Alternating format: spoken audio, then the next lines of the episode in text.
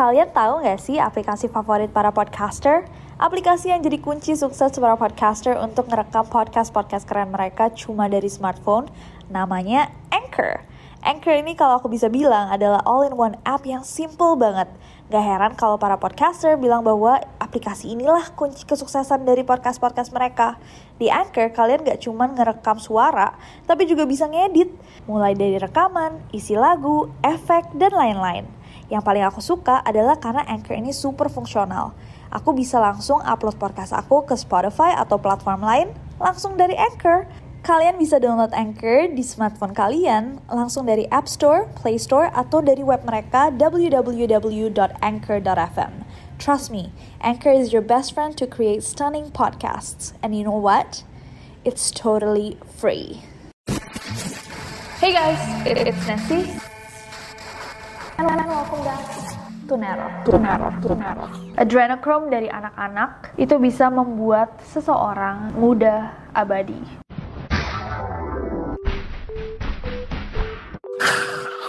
Hey guys, it's Nessie and welcome back to Neror. So hari ini kita akan membahas tentang sebuah teori konspirasi yang sangat-sangat gila. Teori konspirasi yang satu ini masih berhubungan sama teori konspirasinya Pizzagate yang kita sempat bahas juga di dua video. Di video yang kita membahas tentang video klipnya Justin Bieber Yummy dan di video di mana kita membahas tentang teori konspirasi yang berhubungan dengan Wayfair. Aku suggest kalian udah nonton dua ini biar level of understanding kita, pengertian kita sama tentang teori konspirasi Pizzagate. But basically teori konspirasi tentang Pizzagate adalah sebuah teori yang percaya bahwa ada sebuah ring penculikan dan penjualan anak yang sangat besar di dunia. Di mana para elite-elite dunia memiliki keterkaitan atas banyaknya kasus anak hilang yang ada di dunia. Menurut the International Center for Missing and Exploited Children, sekitar 460 ribu anak itu hilang di Amerika Serikat per tahunnya. Nah, selama ini yang kita bahas di teori konspirasi Pizzagate adalah bahwa anak-anak ini dijual kepada orang-orang kaya yang memiliki ketertarikan pada anak-anak kecil. You know,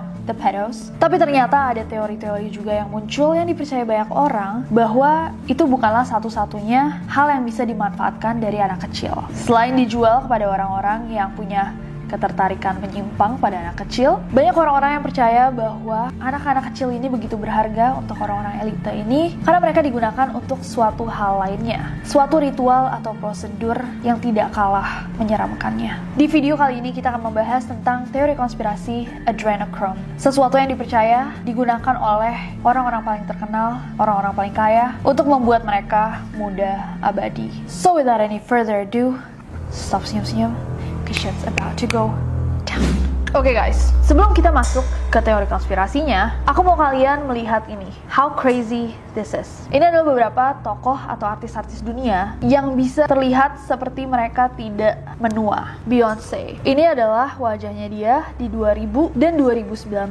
Terpaut 19 tahun. Ini adalah Jennifer Lopez di tahun 2000 dan 2019.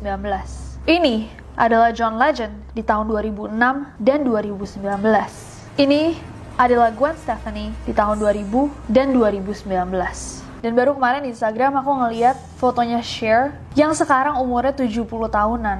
Masih seakan dia umur 40 tahun atau 30 tahun. Freaking crazy. Ini adalah Pharrell Williams di tahun 2000 dan 2019. Selain wajah-wajah yang terlihat tidak menua, ada juga tokoh-tokoh yang rasanya sudah hidup untuk waktu yang sangat-sangat lama, seperti Queen Elizabeth II.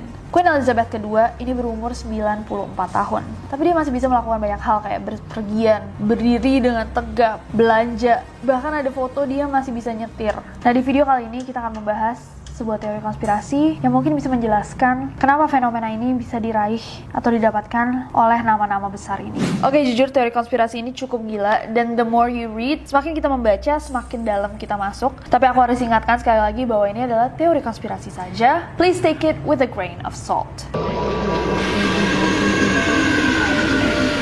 Jadi, ini semua bermulai dengan adanya eksperimen tentang darah muda. Bukan, bukan lagunya Oma Irama, melainkan darah di makhluk yang umurnya masih muda. Jadi, di sebuah penelitian yang dipublikasikan di Nature Communication, ilmuwan menemukan bahwa ternyata darah muda itu dapat menyembuhkan banyak hal. Jadi ada beberapa ilmuwan yang membuat penelitian nih namanya parabiosis. Parabiosis berarti kan hidup bersama. Jadi di penelitian ini mereka tuh menggabungkan dua tikus, satu tikus tua, satu tikus muda, dan yang digabungkan adalah sistem sirkulasi darah dari dua tikus ini. Dan mereka menemukan bahwa ketika digabung, darahnya si tikus muda ini bisa membuat tikus tua tuh jadi lebih sehat, memorinya lebih kuat, tulang-tulangnya jauh lebih kuat, engsel-engselnya kuat. Tikus tua juga jadi aktif lagi seakan dia muda kembali. Nah, penelitian yang dipublikasi lainnya seperti Journal Nature juga menemukan bahwa darah muda memutarbalikkan kerusakan-kerusakan tubuh yang berhubungan dengan bertambahnya umur. Nah, walaupun penelitian-penelitian yang barusan aku sebutkan itu menggunakan tikus, ada teori yang mengatakan bahwa sebenarnya prosedur yang sama itu dilakukan kepada manusia. Nah, sekarang kita ngomongin tentang adrenochrome. So, apa sih adrenochrome ini? Adrenochrome adalah sebuah senyawa kimia dengan rumus molekul C9H9NO3. Untuk kalian-kalian yang belajar kimia atau adalah ahli kimia, please feel free to correct me. Karena fakta-fakta ini adalah sesuatu yang kita dapatkan dari berbagai sumber, tapi karena memang kita bukan ahlinya di sini, jadi mungkin kita salah. Jika aku ada salah menyimpulkan, please just correct me down below. Tapi dari yang aku baca-baca, adrenochrome ini ada di dalam darah saat oksidasi adrenalin atau yang dikenal juga sebagai epinefrin itu meningkat. Nah, di sekitar tahun 1950-1960-an, para ilmuwan itu melakukan eksperimen dan penelitian terkait adrenochrome. Abram Hoffer sama Humphrey Osmond mengklaim bahwa adrenochrome adalah senyawa kimia dalam tubuh yang memiliki peran besar atas skizofrenia dan gangguan-gangguan mental lainnya. Mereka berteori bahwa jika si adrenochrome ini bisa dikeluarkan dari otak-otak pasien ini, mereka bisa membaik. Nah, tapi dipercaya bahwa adrenochrome dari anak-anak itu memiliki memiliki khasiat yang sangat sangat sangat besar. Adrenochrome dari anak-anak itu bisa membuat seseorang muda abadi. Nah, seperti yang kalian tahu, artis-artis papan atas, mereka menggunakan penampilan fisik mereka untuk tetap relevan, untuk tetap cantik dan ganteng. Basically, penampilan mereka adalah sumber penghasilan mereka. Karena itu, tentunya masuk akal jika aktris, aktor, model rela melakukan segala cara agar mereka tidak gampang tergantikan oleh talenta-talenta yang lebih muda. Nah, di teori konspirasi yang satu ini, I'm sure you've guessed it, banyak yang percaya bahwa artis-artis papan atas dunia dan tokoh-tokoh paling penting di dunia menggunakan adrenochrome dari anak-anak agar mereka tetap muda. Nah, teori ini tuh semakin ramai ketika ada seseorang yang mengaku sebagai mantan agen CIA bernama Robert Steele yang mengatakan di interviewnya bersama Camelot TV Network yang membenarkan teori adrenochrome ini. Dia sampai bilang bahwa darah anak-anak kecil itu lebih berharga daripada drugs, narkoba. Human trafficking and particularly child trafficking underlies every other great crime in this country. Children are now more valuable than drugs for criminal transactions. As best I can tell, toward 8 million children a year are being abducted. How many? And every Yeah. 8 million. Part of the problem is that wars create refugees. And if you look at Hillary Clinton, for example, the Haitian disaster, her friends were in there scooping up children. Now, let me go back to, to the whole thing of child sacrifice, adrenochrome, and so forth. I didn't believe it myself, but Pizzagate uh, woke me up. Nah gila nggak? Di interview yang sama, dia mengklaim bahwa ketika ada bencana alam, pemerintah langsung mengamankan anak-anak yang terlantar. Basically, di teori ini, untuk mendapatkan adrenochrome, anak-anak kecil diculik, disiksa dengan sangat kejam, dengan cara seperti dikuliti atau disayat hidup-hidup, agar adrenalin dalam tubuh mereka meningkat, dan kemudian darahnya diekstraksi dan dijadikan semacam obat. Nah katanya, adrenochrome ini bisa memberi orang-orang yang menggunakannya perasaan euforia, menjaga stamina dan kecantikan, juga dapat membangun sistem kekebalan tubuh. Dan menurut beberapa sumber, untuk memproduksi adrenochrome ini, mereka membangun sebuah fasilitas tanpa jendela yang penuh dengan anak-anak di Baltic yang ukurannya seluas lapangan sepak bola. Bayangkan anak-anak yang menjadi korban praktik ini adalah anak-anak laki yang usianya di bawah 15 tahun. Karena mereka dipercaya memiliki darah terbaik untuk dijadikan adrenochrome. Ya guys, aku mau sedikit sharing sih seputar aplikasi keren yang aku gunain buat bikin podcast ini. Aplikasi ini tuh bisa di-download di App Store atau di Play Store, and it's totally free. Gak cuma buat ngerekam aja, Anchor juga bisa buat ngedit langsung rekaman kalian. Kita bisa langsung nambahin back sound, effects, tambah lagu, bahkan Anchor juga bisa mendistribusikan podcast kita ke berbagai platform lainnya. Kayak aku nih, biasanya aku langsung upload podcast aku ke Spotify langsung dari Anchor. Jadi di mana pun aku berada, aku bisa buat podcast aku kapan pun dan di mana pun aku mau. Karena dia super gampang, aku jadi suka banget nih sama Anchor ini. Daripada kalian kepo, mendingan kalian langsung coba aja buat podcast sendiri pakai Anchor. It's super simple and free. Nah, walaupun teori konspirasi tentang adrenochrome ini belum dikonfirm sebagai fakta, sebenarnya ritual-ritual kecantikan yang berhubungan sama darah manusia muda itu udah lama banget ada. Bahkan Elizabeth Bathory, yang dulu banget juga kita pernah bahas di Neror, itu adalah seorang ratu yang membunuh banyak banget ratusan pelayan-pelayannya yang masih muda, dan darahnya digunakan untuk dia mandi, karena dia percaya itu akan membuat dia awet muda. Nah, ada beberapa kasus lainnya dari artis-artis Hollywood yang gak kalah gila. Yang pertama adalah Sandra Bullock. Pastinya kalian tahu Sandra Bullock Bullock, dia main di banyak banget film, dan salah satu aktris Hollywood papan atas. Namun di usianya yang udah nggak muda lagi, 57 tahun, Can you believe dia masih terlihat seperti ini guys. 57 tahun. Nah mungkin kalian berpikir kayak oh iya pasti dia perawatan kan? Kayak wanita-wanita lain pada umumnya. Facial sebulan sekali Ke dokter pakai krem. Nah tapi sekitar 2 tahun yang lalu Sandra ini diundang oleh Ellen DeGeneres ke dalam shownya dia. Dan si Sandra mengungkapkan bahwa dia dan Kate Blanchett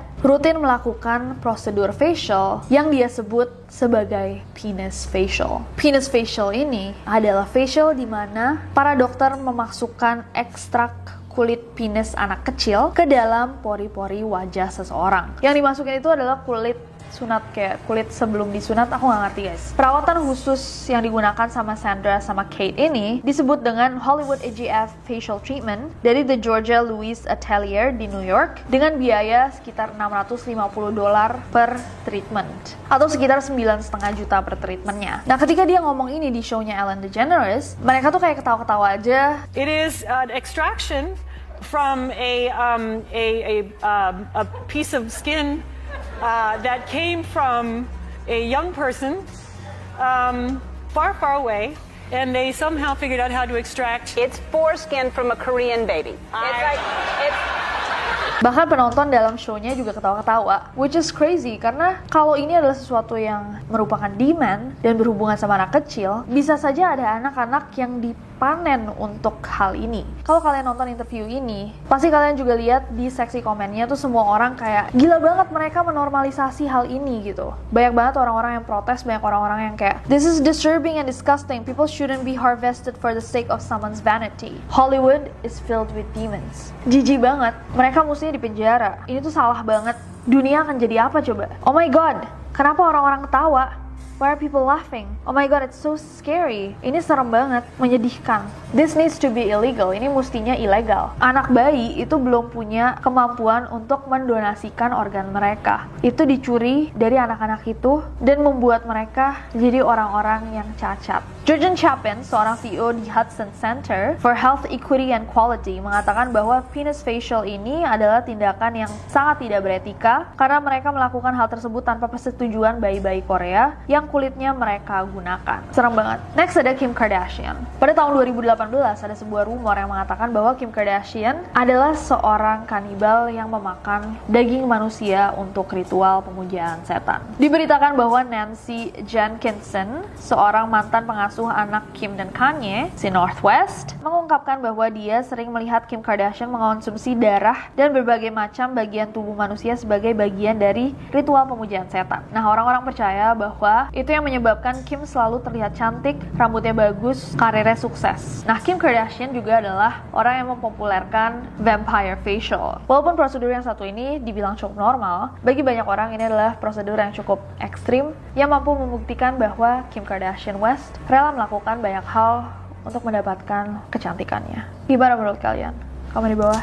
Next. Oke okay guys, dan yang terakhir ada Chris Teigen. Nah, Chris Teigen ini kemarin sempet diseret-seret waktu teori konspirasi Pizzagate itu lagi booming-boomingnya setelah Jeffrey Epstein ditangkap. Chrissy Teigen ini kalau kalian nggak tahu adalah seorang model. Dia juga adalah istrinya John Legend dan dia adalah selebriti yang sangat-sangat aktif di sosial media. Aku personally suka banget sama personalitinya. Dia kayak nyablak, gak peduli. Dia berkali-kali berantem sama Donald Trump and I enjoy drama. Tapi ternyata banyak orang yang percaya bahwa dia memiliki hubungan dengan Jeffrey Epstein dan Ghislaine Maxwell. Selain itu, ketika tweet-tweet lamanya diobrak-abrik sama warga net, mereka menemukan beberapa tweets yang sangat-sangat questionable, bisa dipertanyakan. Seperti tweet ini di 2013 di mana dia men-tweet I am going to jail over pizza. Saya akan dipenjarakan cuma gara-gara pizza. Di 2009 dia nge-tweet, saya baru aja ngeliat bayi yang kelihatan kayak porn star, kayak porn star yang mau melakukan segala hal. Apakah ini salah untuk dipikir? Di 2011 dia juga nge-tweet, aku bosan,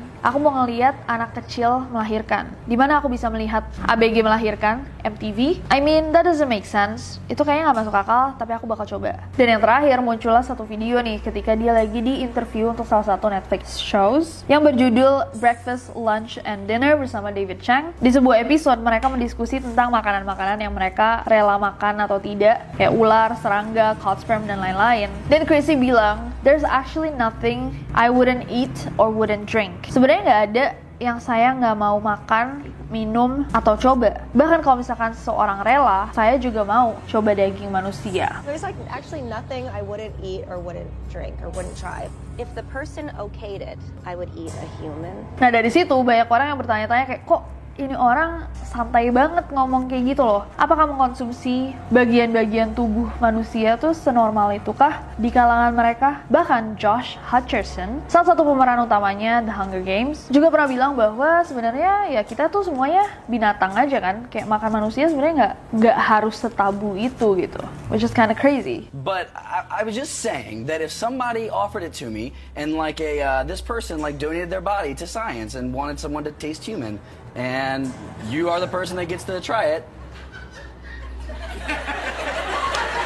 Tapi aku mau denger sekarang dari kalian guys. Gimana menurut kalian tentang teori konspirasi adrenochrome ini? Apakah kalian percaya bahwa orang-orang elit dunia, selebriti-selebriti papan atas, dan mereka-mereka yang memiliki kepentingan benar-benar memanen anak kecil untuk dijadikan suplemen awet muda? Apakah menurut kalian ada orang-orang yang setega itu? Mungkinkah teori konspirasi ini asli atau hanya merupakan rumor untuk menjatuhkan beberapa pihak?